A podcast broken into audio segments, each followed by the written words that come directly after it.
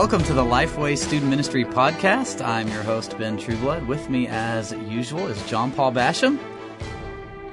Hello. and we are we're warming up today, so it's going to be a good uh, episode with you.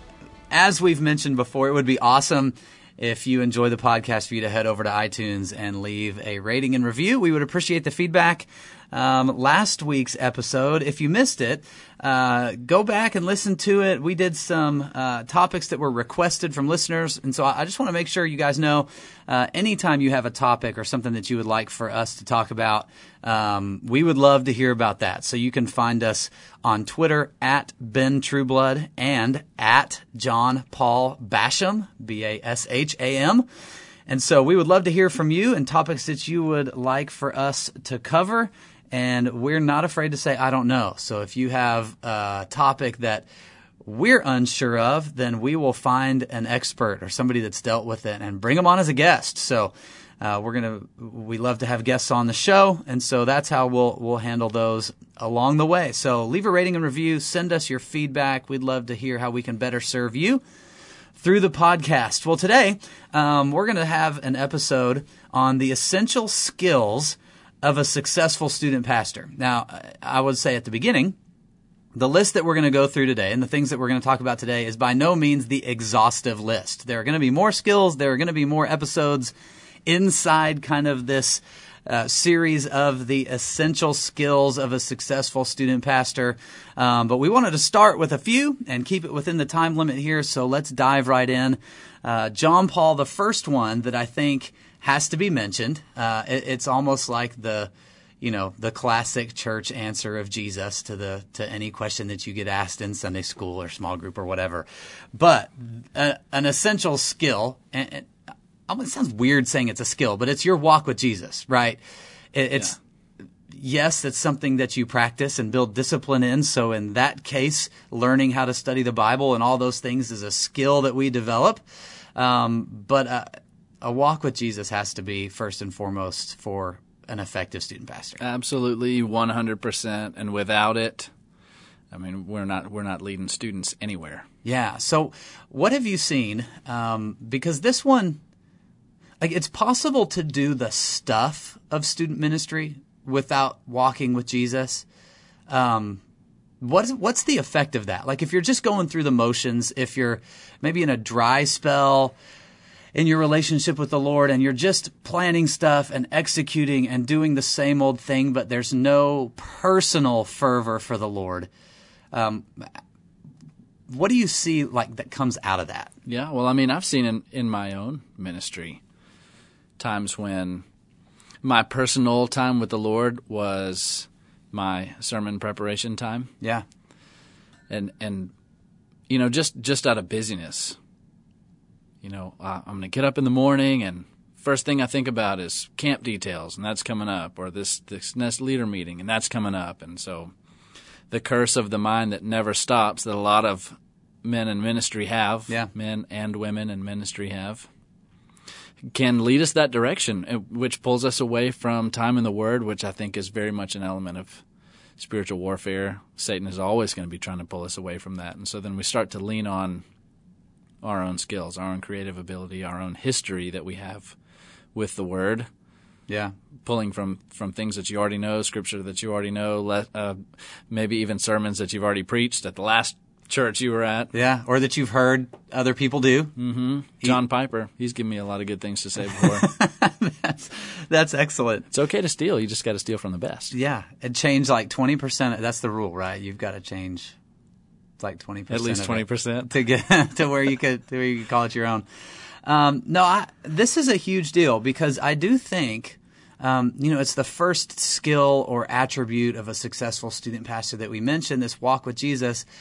But so many people, uh, you've mentioned, you've done it, I've been there myself, where we really do slip into this.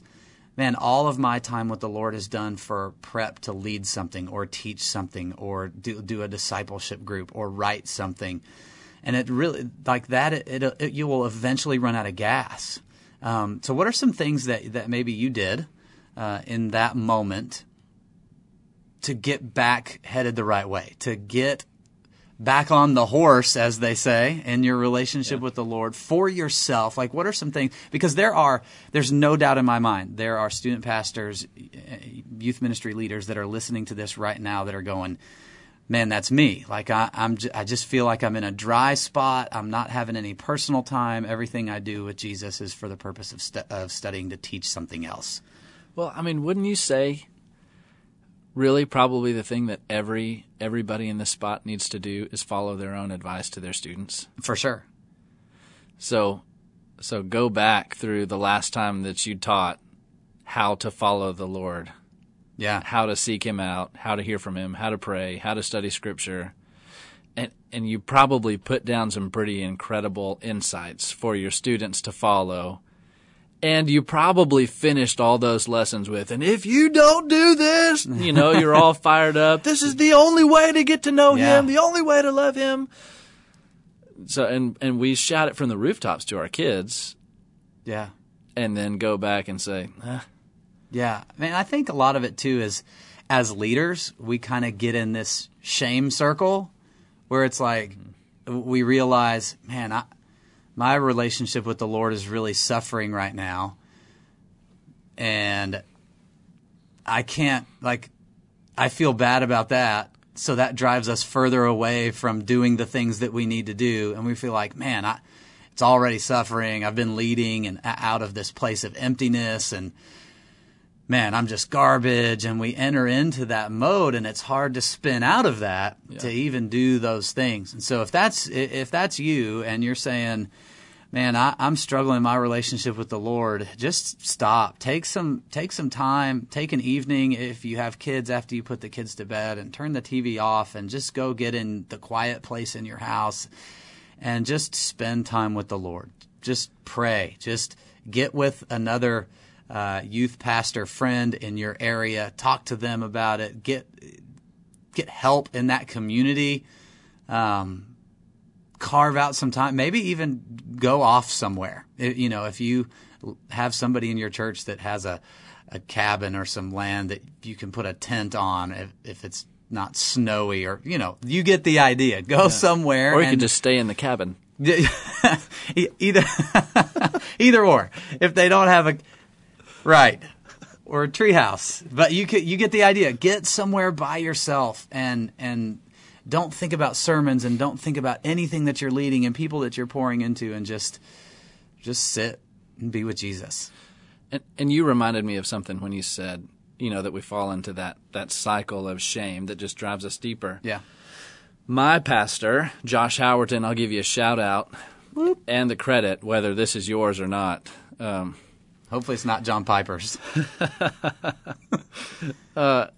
he has a great illustration that he normally does on a whiteboard or a piece of paper. And so I'll just ask you to imagine a, a rectangle that is uh, standing up on end with a line straight through the center. And so this is this is all about a discussion about accountability and your relationships with the people around you. So most of our relationships, if you if you think about the top half of that rectangle, that would be kind of the light end of a conversation. So weather, sports, you know, anything, your house, all those kind of things that you can talk about and is filler conversation, is really meaningless conversation. That line, Josh always illustrates as the line of shame. And so th- the way that he talked about it, I thought was fantastic and convicting to me. That any true friend is going to be someone that you're able to get below that line of shame with. And underneath that line is uh, any sin that you're struggling with, any conversation of, man, my wife and I are struggling, you know, and I don't even, I don't, I don't like her right now. I love her. I don't like her right now. I am dealing with pornography. I'm dealing with uh, a sense of entitlement that's not letting me move past and, and do what I'm doing now because I feel like I should be doing something else. Whatever it is. So I think this issue of not walking with Jesus, there's too many pastors that aren't willing to break through that barrier of that line of shame Yeah. with another pastor and just say, I'm just not pursuing Jesus. right And when we don't reach out to somebody else that we can trust that way, then we're never going to have that brotherly help that we've been designed to need Yeah. to pull us out of that. So Yeah. you, you gotta, you have to be willing to be vulnerable with somebody and let somebody else lean into you in those days. Yeah, and the, and the reality is there there are some walls that you're going to be able to break down and, and and get through on your own, and there are some that you'll never be able to get through by yourself. And so that's Josh. Thanks for the thanks for the rectangle. Yeah. That was good stuff. So we'll move on from there. Um, walk with Jesus first and foremost for long term effectiveness in student ministry. Got to have that. And before we move, I would just like to say this too. It doesn't mean perfect walk all the time. Right? Because we wouldn't tell a group of students that, that your walk with Jesus must be perfect all the time. There are going to be seasons that you come in and out of but the effectiveness in, in in that walk with Jesus and in your leadership that flows from that will, be how you how you deal with those valley times more so than how you deal with the mountaintops. No doubt. So the next one, um, ability to connect with people. So we have connection with Jesus first and foremost, and that one is so far above the others. You almost hate to have them in the same episode. But the next one is connecting with people. There are a lot of people that we connect with as youth ministry leaders. There are volunteers, there are parents, um, there are students, there are community leaders. All of those people we need to connect with. And so if if you cannot connect with people, you're you're going to struggle. And if you are not able to connect well with people, then you're probably realizing I'm struggling right now. Maybe you should be the IT guy. That's man, the IT guy just got he just got hammered. No, he's just not relational, but he's great with computers. That's exactly which you can use to connect with people. Right. So there are a couple of ways uh, that you can connect with people and need to be connecting with people, and we'll separate these for you. Um, there's a relational connection and there's a leadership connection. Okay, so the relational connection is one that I think a lot of people naturally gravitate towards. I think most student pastors, most people that find their way to leadership in student ministry can do this one. They can connect with people well. They can build relationships. Um, they can have fun. They can talk about issues that are maybe on a surface to just under the surface level. But most student pastors that I run into uh, are really good re- with the relational side of connecting with people. The other side of that, though, is the leadership side. So it, this connection has to take place on a deeper level than just relationally, because as a leader, you are charged with taking people to a destination, not just hanging out or building relationships or friendships or all those things. Those relationships are for a purpose, and that's to get where you want to go in student ministry.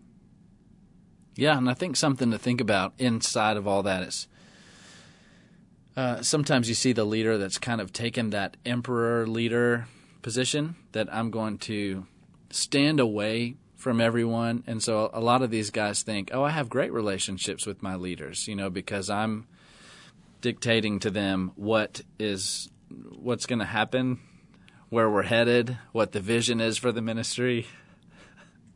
But they're standing back Yeah. from a distance saying all those things. And so I think when you stand back too far from those things, you're not able to really link arms and run together under a vision because they say, well, that's great that he's saying all those things, but I don't see him running with me. I don't see him pulling me into this, you know? Right. So then I think there's a kind of a fracture there between where you're going and where you want your leadership to go it, that lacks that that intimate connection that we're doing this together for the gospel, for the kingdom, for the students we're leading, for their families. Yeah, and you bring up a good point there because chances are when you recruit somebody, you bring them in with this idea of we're in this together, we're in the trenches of student ministry, and we're going to reach teenagers for Jesus and disciple them and all you know we're using all those language to try to attract people and make them feel like this is the most exciting thing on the planet to be involved in and then if they come on the team and are serving with us and we are just standing back You say, "See ya." yeah, then it, th- there's a gap there. And so, uh, ability to lead people with them from the front lines, not shouting from the back, Yeah. but showing them where to go, not just telling them where to go. Well, in those relationships too, some of some of the leaders that I was the closest with were the ones that I was able to build deep relationship with, and it's in the times that that they see you really busy. You know, they see you in a in a s- stressful season. Maybe they see, um, you know, just in all the seasons of ministry where maybe you're struggling some. They're the ones that'll come alongside you because they know you and love you, and they'll say uh, just the simple words of, you know, me and my wife have been praying for you all week because Yeah. we see that you're walking through. And it's just those words and knowing that they're praying for you that can just catapult you into the next into the next thing, knowing Yeah. that we're running, we're doing this. These people have my back. Yeah, it's the difference in already having linked arms with people versus when something gets crazy, having to run and find people to link arms with. Yeah. It's a constant move together. It's it's like a giant game of Red Rover. if, if you really think about it, we're all we've all linked arms. So there's this again, connecting with people is done in two ways: relationally, but it can't just be relationships. Those relationships are there one for support and encouragement, accountability, and those kind of things as appropriate. But also, uh, you have to connect with people on a leadership level. You have to be able to guide and direct and show people the path and then walk that path with them.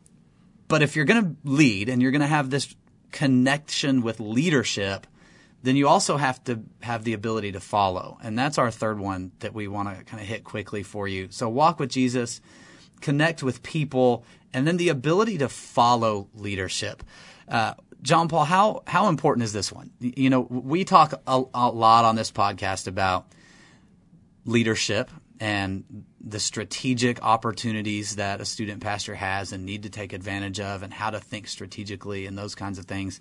But how big of is being able to follow one of these attributes of a successful student pastor? I think it's one of the most critical Yeah. attributes of a student pastor on on multiple levels and I think probably the most the most important of those to me would would be that it, as you're following the leadership of your senior pastor depending on the structure of your church you know maybe you you interact most with your pastor of education or a next generation pastor or maybe it's you and your senior pastor that meet together you know you and one or two other people on a weekly basis god has placed those men above you in the structure of the leadership of that church to lead those people in a direction that he's given them Yeah. and one of your number one roles as the student pastor is to support his vision.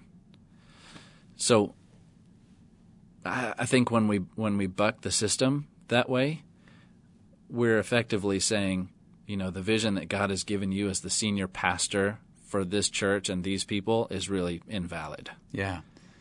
It, it is a there's an earlier podcast episode on uh, where we spend a lot of time unpacking the importance of the youth pastor senior pastor relationship. So if this is something that you struggle with, uh, make sure and go back and take a listen to that podcast. But one of the things that we mentioned there is that the way that you respond to authority reveals more about your own relationship with the Lord than it does the authority that's over you, uh, because God is our ultimate authority.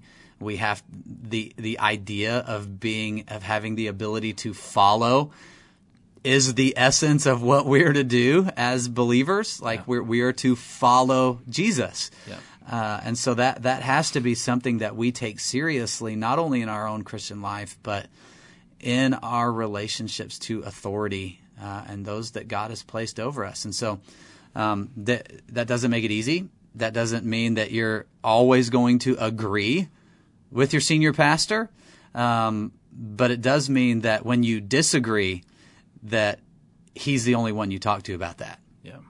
Well, and you can think about it in terms of loyalty Yeah. when you step out and want to lead your student ministry in any certain direction, if your key volunteer leaders all stood up and said, that's ridiculous, then where would you be left? And so, in the same way, when your senior pastor says, this is where we're going, and you begin to rebel against that, you're no doubt communicating that Yeah. whether intentionally or not, that I don't support this. And then where are you leaving your senior pastor in that? And and what picture are you painting for the people that are under all of your leadership, you know, with whether or not you have a shared vision and if you're running together and if the, the staff team is is healthy. Yeah, you know, there's a there's a vocal or um, maybe with gesture, a nonverbal disagreement that you can show towards something your pastor's doing to your people. Uh, and there, there's also so there's an active part of that where man you disagree and you're telling everybody about it and your posture shows that you are and then there's just the silent disagreement you know where you just keep your mouth shut about it and you don't say anything um, and and to me not showing support is the same as as showing that you don't support it your pastor needs you to be a cheerleader for, for what he's going to do for for the vision of the church that God has given uh, that God has given him. So there the the quiet disagreement where man I, I just don't agree so I'm not going to talk about this new initiative or this vision or whatever. Essentially, that's the same as as showing your people that you work with that you're you're not in. And all too often that comes out of a silent struggle. You you haven't said a word to your pastor about what yeah. you may not like about what's going on. Whether it's because you don't feel like you have voice in a meeting when you're when you're there with him, or he's busy, or you're busy, which is uh, always the case. You, right. You're always going to be busy. But the number one thing that you should do there is go have that conversation. Yeah. You know, and speak up and just be clear about one of the things I loved about one of the pastors that I served with is that he would always say, "It's okay to disagree with me in this room, but when we leave, we need to leave a team." Yeah. So so have that conversation. Pastor, is it okay for us to disagree a little bit here as long as I commit to you that when we leave, I'm your biggest cheerleader? Yeah. And I I, I mean, I can't imagine someone saying, "No, that's a terrible idea." Yeah, and it and it takes some time to build that trust too. Right. Right? So if you say that and the pastor agrees with it, and you have a discussion that's healthy, you still disagree, but when you walk out of that room and and you've done you've gone through that process, if you walk out and then not show that you're his biggest cheerleader, then the trust is ruined for a long time. Yeah. So we we have to we have to be able to follow through with that. You know, an element of um, this following leadership not necessarily inside the chain of command leadership that we've talk, been talking about. One of the things that I wish I would have done better uh, at several points along the way is follow the leadership of parents in the ministry, even though on an org chart and even though in a structure, they're not. I don't report to them. They weren't my supervisor. They weren't my leader. Um, I wish, I think I've made mistakes along the way in, in, in either going too fast or going too far or not taking the advice of really, really wise parents uh, and sometimes even listening to the wrong ones. Um, taking advice and listening to the wrong parents. Following that kind of leadership, I think, is essential to being a successful student pastor as well. Yeah. And I can remember times that there was one, I won't say her name, but there was one uh, sweet lady that always had 20 questions for everything that that we ever did. And so at, at this the this particular memory that I have, I was a middle school pastor serving under Ben, and so we were rolling out some new things, and she said, "Well, what about this? And what about this? And what about this? And what about this?" And I very much resented her.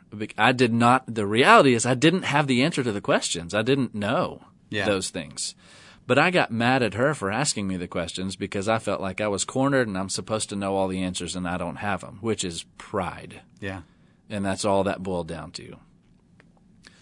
What I should have done, and I've looked back on that many times. I don't know why that one encounter is seared in my memory, but what I should have done is placed a lot of value in the fact that she had those questions coming to mind and that I needed to use that as a tool you know, as as an evaluator to what we were doing to make sure that I've considered all those things. She had great questions. Yeah.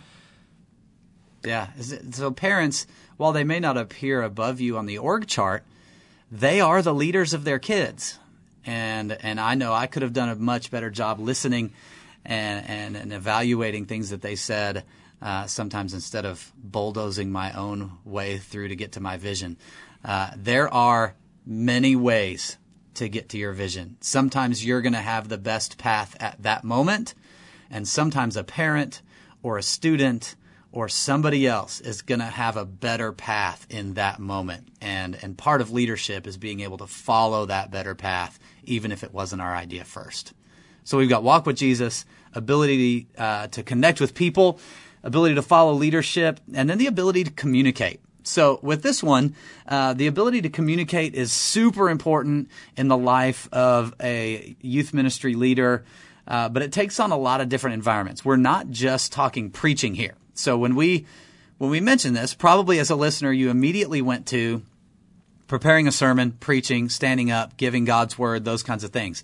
But you're communicating all the time to parents, to students, to school and community leaders. Uh, you're doing training. You are doing preaching. Um, and so there, there are so many other ways, even besides that. It, simple conversations that happen in the hallway at a church. You're communicating all the time. And so the key thing here is the ability to take concepts, vision, and mission and articulate them in a simple and clear way. So if you run into somebody that you need to have a fast conversation with on a Sunday morning in the hallway and they ask you a question, the ability to communicate a simple, clear answer that they'll understand and points them to the vision is, really, really key in the life of a student pastor. Which I think a lot of times comes back to whether or not you've done the work to develop that or not. Yeah. So if somebody says, "Well, what's your vision for student ministry?" and that's the first time that you've really thought about it, then you know, then you obviously need to put some work into it. Or sometimes there's a, there is a vision for what you want to do. You know exactly what you want to do, but you can't put it into 50 words or less. Yeah. So there's an exercise there to put that down on paper and know exactly what you want to say. Not only so that you can communicate it, but if you're if you are successful at casting vision, then you're training your people to say uh, you know one or two phrases that encompass your vision as well. So that when you say this is what we're about everybody's uh, you know almost like in a chorus. Like yes we've heard that a million times. Yeah. and at that point you've right. just begun to let it sink in to the right depth. Yeah. Until people are tired of hearing it until they're sick of hearing the vision it hasn't sunk in yet. And so I think another point here is, is something that you brought up in your example about the last one is if people do come up to you and ask for clarity or additional questions on something that you've just presented or talked about, that's not a bad thing. It's something that can be really healthy for, for us, for all of us to learn and, and improve in communication. Um, and it's something that can help us think through details that we may not have thought through yet. I know, uh, like, as a student pastor, there were a lot of times when I thought, man, I have this thing figured out. I have every detail covered. I have every aspect of this. I know what I'm doing and we're just going to go do it. But the reality is, is that I've done that thing a lot of times, but the people I'm presenting to haven't. So if you're explaining uh, for a weekend retreat, or you're talking through job descriptions for a host home for disciple now, there there are a number of things that this would apply to. You've done it all before. The people that you're talking to, it may be their first time and they're not in the weeds of student ministry all the time. And so we need to slow down, take our time, explain it. And then, like I said, your, your example from last time flows right into this. When people ask questions, nine times out of ten, it's not to make you look stupid or make you feel bad or shoot holes in your, your stuff. It's, they want to help and and they you know they might be a engineer at their job every day and they process more details than we do over the course of an entire year. And so their brains just work differently. Yeah. And so that's get those people on the team and and and benefit from their from their wisdom. Yeah one of the best things that i ever did was let a special forces guy um, work with me to plan a couple of mission trips. I thought I had answered some questions about what we needed to do on the way there, while we were there, and on the way back. And he just started firing off. What about this? What about this? What about this? What about this? Do you know this? Is there a report for this? Have you contacted this person? And it's like, oh my gosh, can we just go and come back? And that's what you say. No, but that's a great list of tasks for you to do as our volunteer. Yeah. Well, uh, you know, you can learn a lot from that kind of an experience. Well, and the way that Ben started this podcast, he promised you that if we don't know the answer, we won't be afraid to say, I don't know, and we'll go find it or we'll bring an expert. Yeah. You need to have that posture too. Yeah. Just be willing to say, I don't know. I should know. That's a great question. And I'll find out for you. That's the important thing. Find out or figure it out and then come back. And that's just another piece of building relationship with people, giving them a voice in the process, which is going to help them come under your vision and feel like they're a part of the mission, a part of the journey. All of that is going to help you with team building as you move forward. Yeah, it's so this one when we talk about communication, um, we're not going to go really deeply into any one area that we mentioned where you would be communicating with people. Uh, the next podcast that we're going to be doing, so next week's episode is going to be specifically on preaching in student ministry, some best practices, some things uh, to do with that. So we'll dive in more deeply to that piece of communication in the next one. But here, the main thing is learning and developing the ability to communicate clearly and simply with a group of people and, and, and taking advantage of those communication opportunities that we have all the time. So the next one, and uh, we'll end with this one. So we have walk with Jesus. We have the ability to communicate with people relationally and to lead them somewhere. And then we have the ability to follow leadership and the ability to communicate, ending with the ability to think strategically. This one I think is a is is a struggle for some. Um, there are uh, people that uh, that can nail the first four. You know that they're they're super relationally. They are a great leader, as in here's a group of people, and I know how to take them to a place, to a destination, and guide them. And they're able to communicate that path, and they run with it but struggle in looking at an entire student ministry and fitting the pieces together this is what the small group purpose is, and this is how that fits in with the purpose of our student worship service. And this is how they complement each other but are differentiated from each other. And this is the kinds of leaders that we're looking for and, and how we recruit them and train them. And just taking all of those pieces of events and saying, okay, this event is for this, and this is how it complements these other eight things that are in our ministry. Being able to fit all those pieces together takes a strategic mind. No doubt. And just time spent. Yeah. So I think Ben has said on multiple occasions every, every once in a while, you just need to get away and think about these things. And so these probably need to be separate trips. And it, and it might be that one of them is a weekend to plan scope and sequence and really try to dive deep as much as you can into details of lesson structure.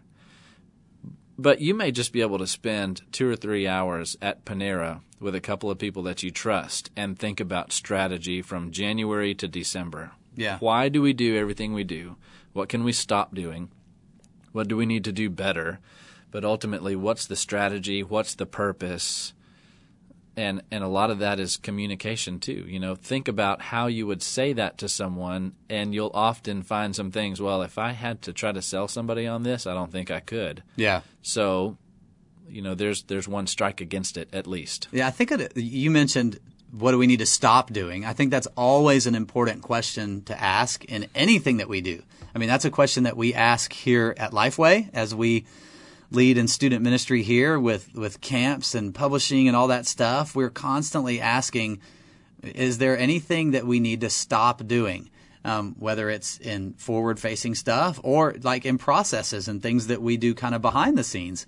Um, in student ministry, what do we need to stop doing is a really, really important question. There may be something that you love, that the students love, but it doesn't have a strategic place in the scope of your ministry. And the answer there is to kill it. Yeah. If that if that's the case. So so one example of that would be one meeting uh, that we had as a staff one day where we talked about okay we we want everything that we do to have an evangelistic component because that's a big part of where we're pushing. So we put everything on the board, and this is a church-wide conversation. We put everything on the board. One of the things on the board that I remember was fall festival Do you remember? Yeah. And so we had Fall Festival up there. I mean, we had thousands and thousands of people on the campus for Fall Festival. So a lot of people would say, man, it's a great first look at the church. It's a great first interaction. It's an incredible atmosphere. Lots to do for kids. Uh, so first touch wise, Home run. you can say, yeah, it's a Yeah. home run. But there was no opportunity there for an evangelistic opportunity the way it had been built, it, the way it had been built so far. So our senior pastor said, "You kill it. We're not doing it." Yeah. It was just at that point it became a fun thing that was just a time and resource sink for the whole church. Right. You know, one this topic uh, reminds me one of the things that I think, um, and ironically, we only did it once, but one of the that's a that's an indictment against us, and a caution to you as the listener that in the midst of busyness, awesome things slide away if you're not willing to continue to hold them in a place of priority. So one of the things uh, you mentioned, sometimes you just need to get away and spend a couple hours at Panera. Um, we went uh, before the first fall that we served together. We went away and and charted out the whole year, events, curriculum. We we had it was awesome. We we planned the whole thing, super strategic, really really detailed. Then we came back and executed it.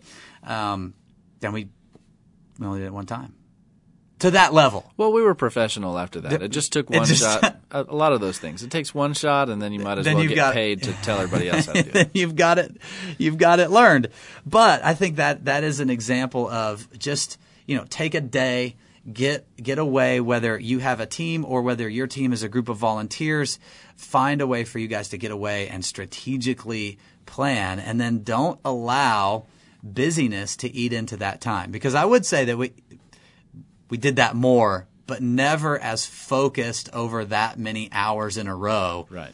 as we did for that time Here's one suggestion for that. If you do what we did and somebody lends you their property to stay in, something that you might want to do ahead of time is just say, hey, do you have a picture of that place? just, you know, uh, just so you know where you're going. Yeah. You're, probably going to still want to go anyway, but at least the expectations will be right. The the the outdoor freezing cold shower was amazing though. Uh-huh. Well, I never participated. This was an awesome piece of property, but we want to go ahead and wrap it up there. Uh, and by awesome, I mean not really. We want to wrap up right there. Thanks for listening. As a recap, essential skills of a student pastor. Again, not exhaustive. We will have more in this series. Uh, but right off the top, walk with Jesus, the ability to connect with people at a relational and leadership level, the ability to follow leadership, the ability to communicate, and the ability to think strategically. So, thank you so much for listening each and every week to the Lifeway Student Ministry podcast. Head on over to iTunes and leave us that rating and review. Connect with us on social media. We would love to hear uh, more topics that you would like for us to cover, as well as how we can continue to better serve you through the podcast. Have a good one. See you.